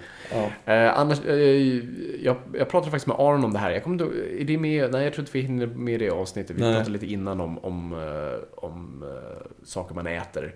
Och vi var båda inte så mycket för sötsaker. Han har blivit det mer senare. Men vi båda var för eh, fett och salt. Mm. Så jag är min chips, chipsman när jag, kör- när jag ser någonting. Eh, M-kvist Media här lägger upp lite förslag då. På exempel eh, chips, ostbågar, hamburgare, pommes frites, vitt vin och räkor eller något annat. Oh, vitt vin och räkor. Ja, svårt att titta på film och käka räkor. Alltså, det jag har gjort väldigt- det. Ja, men det är, du måste ju koncentrera dig på Ja, du, händerna. ja, du ska ju inte se... Hmm. Jag försöker hitta något så här komplext. Eh, jag är för trött för att Alltså det är den svåraste filmen att hänga med i någonsin typ. Alltså om man slår alla kategorier. Det är ju Hercules i New York. Utan text. Alltså jag hängde inte med. Jag fattar Nej, inte sant. Den någonting. ska du absolut inte Ja. se när du har räkor framför dig. Det Nej. Du fattar inte ett ni skit. hörde det här först. Eh, sista frågan då. Mm. Emil Wede. Varsin topp 10-lista med de bästa Disney slash Pixar-sångerna. Valfritt språk. Okej. Shit, jag har inte hunnit förbereda, men jag tror jag kan winga det här. Wingar först, jag har förberett. Ja, du har förberett, men då tycker jag då, då får du börja så. Eller vi- okej, vi kör. mm, Alltså, eller så här. Okej. Jag, jag kan bara droppa tio så här Mm. random. Jag kan inte, eller jag kan säga, den bästa är, det fanns någonting där som inte fanns för vad det nu heter på, eh, på, Ja. på engelska. Vad det nu är. Jag ser något sött och nästan rart.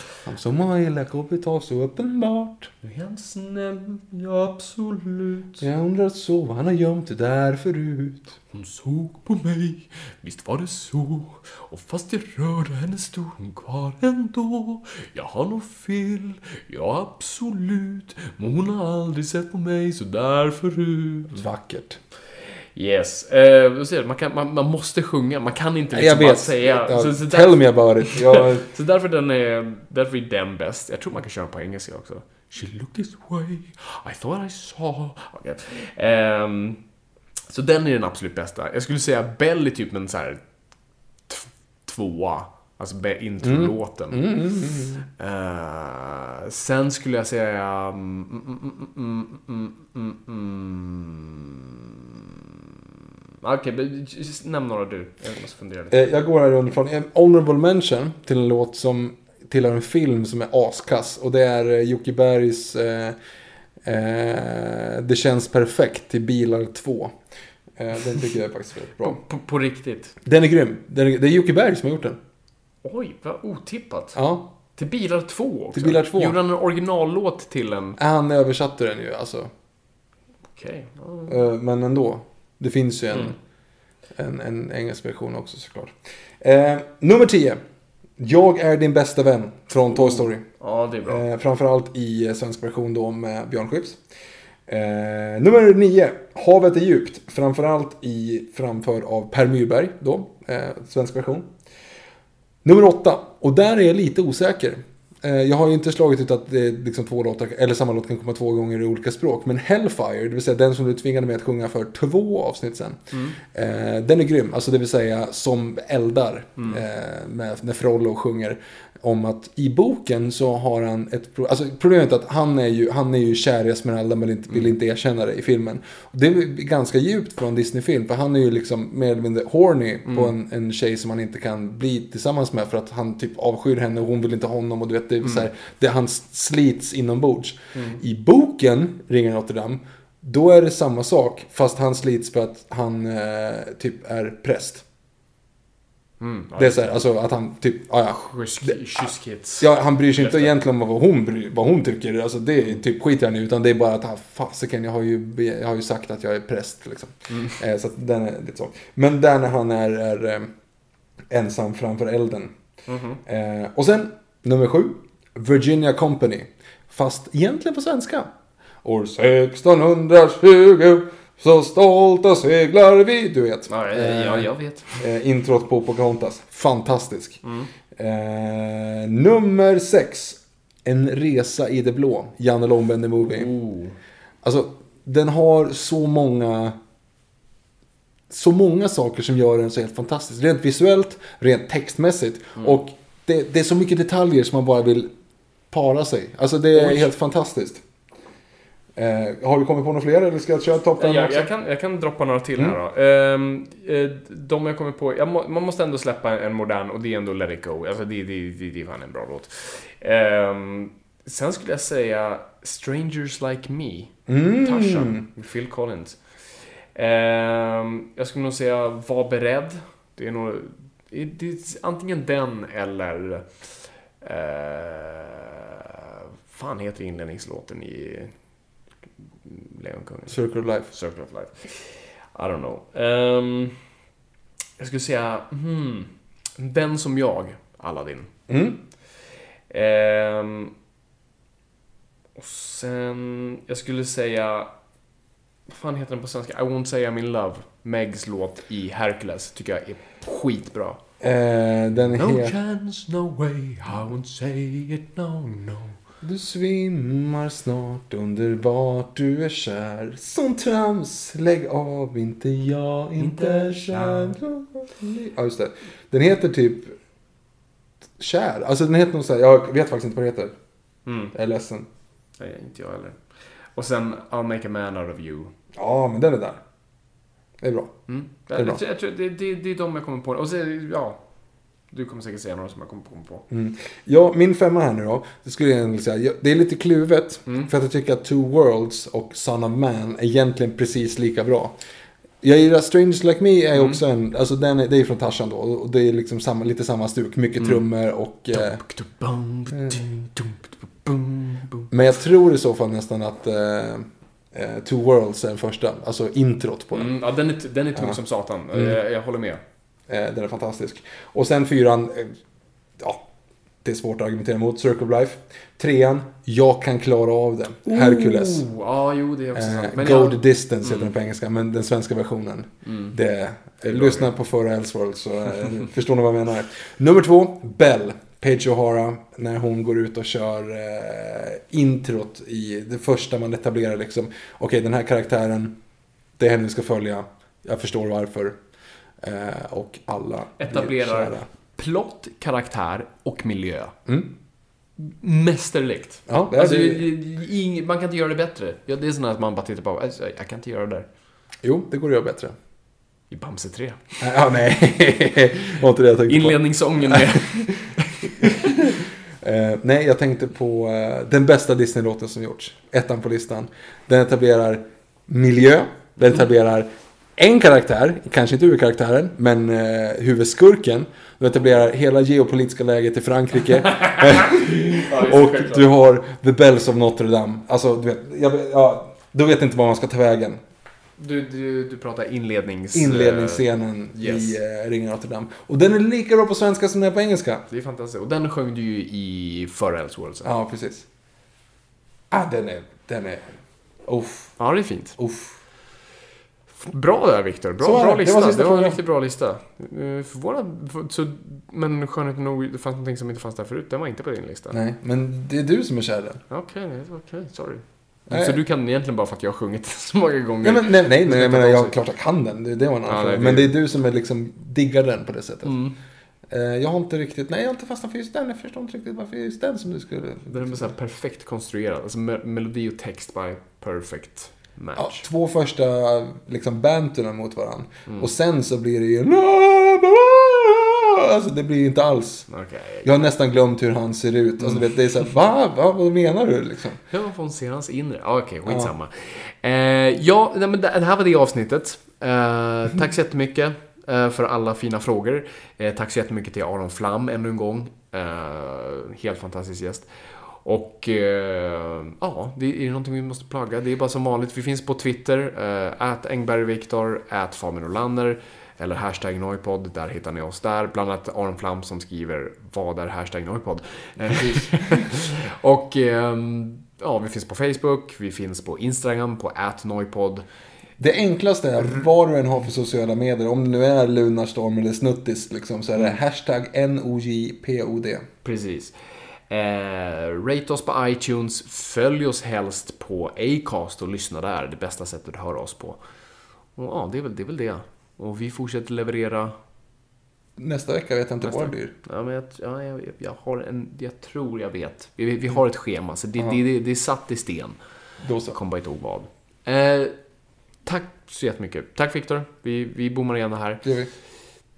Tack så mycket för att ni har lyssnat. Det är kul att vara lyssnare och komma ihåg folk. Ingenting är för nördigt.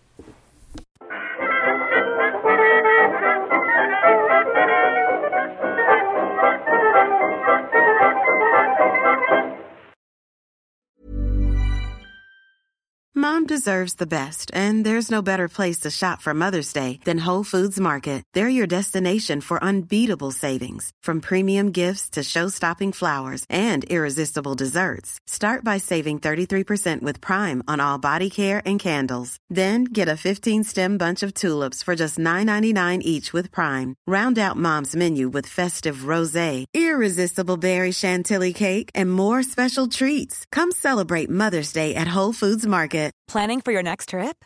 Elevate your travel style with Quince. Quince has all the jet setting essentials you'll want for your next getaway, like European linen, premium luggage options, buttery soft Italian leather bags, and so much more. And is all priced at 50 to 80% less than similar brands.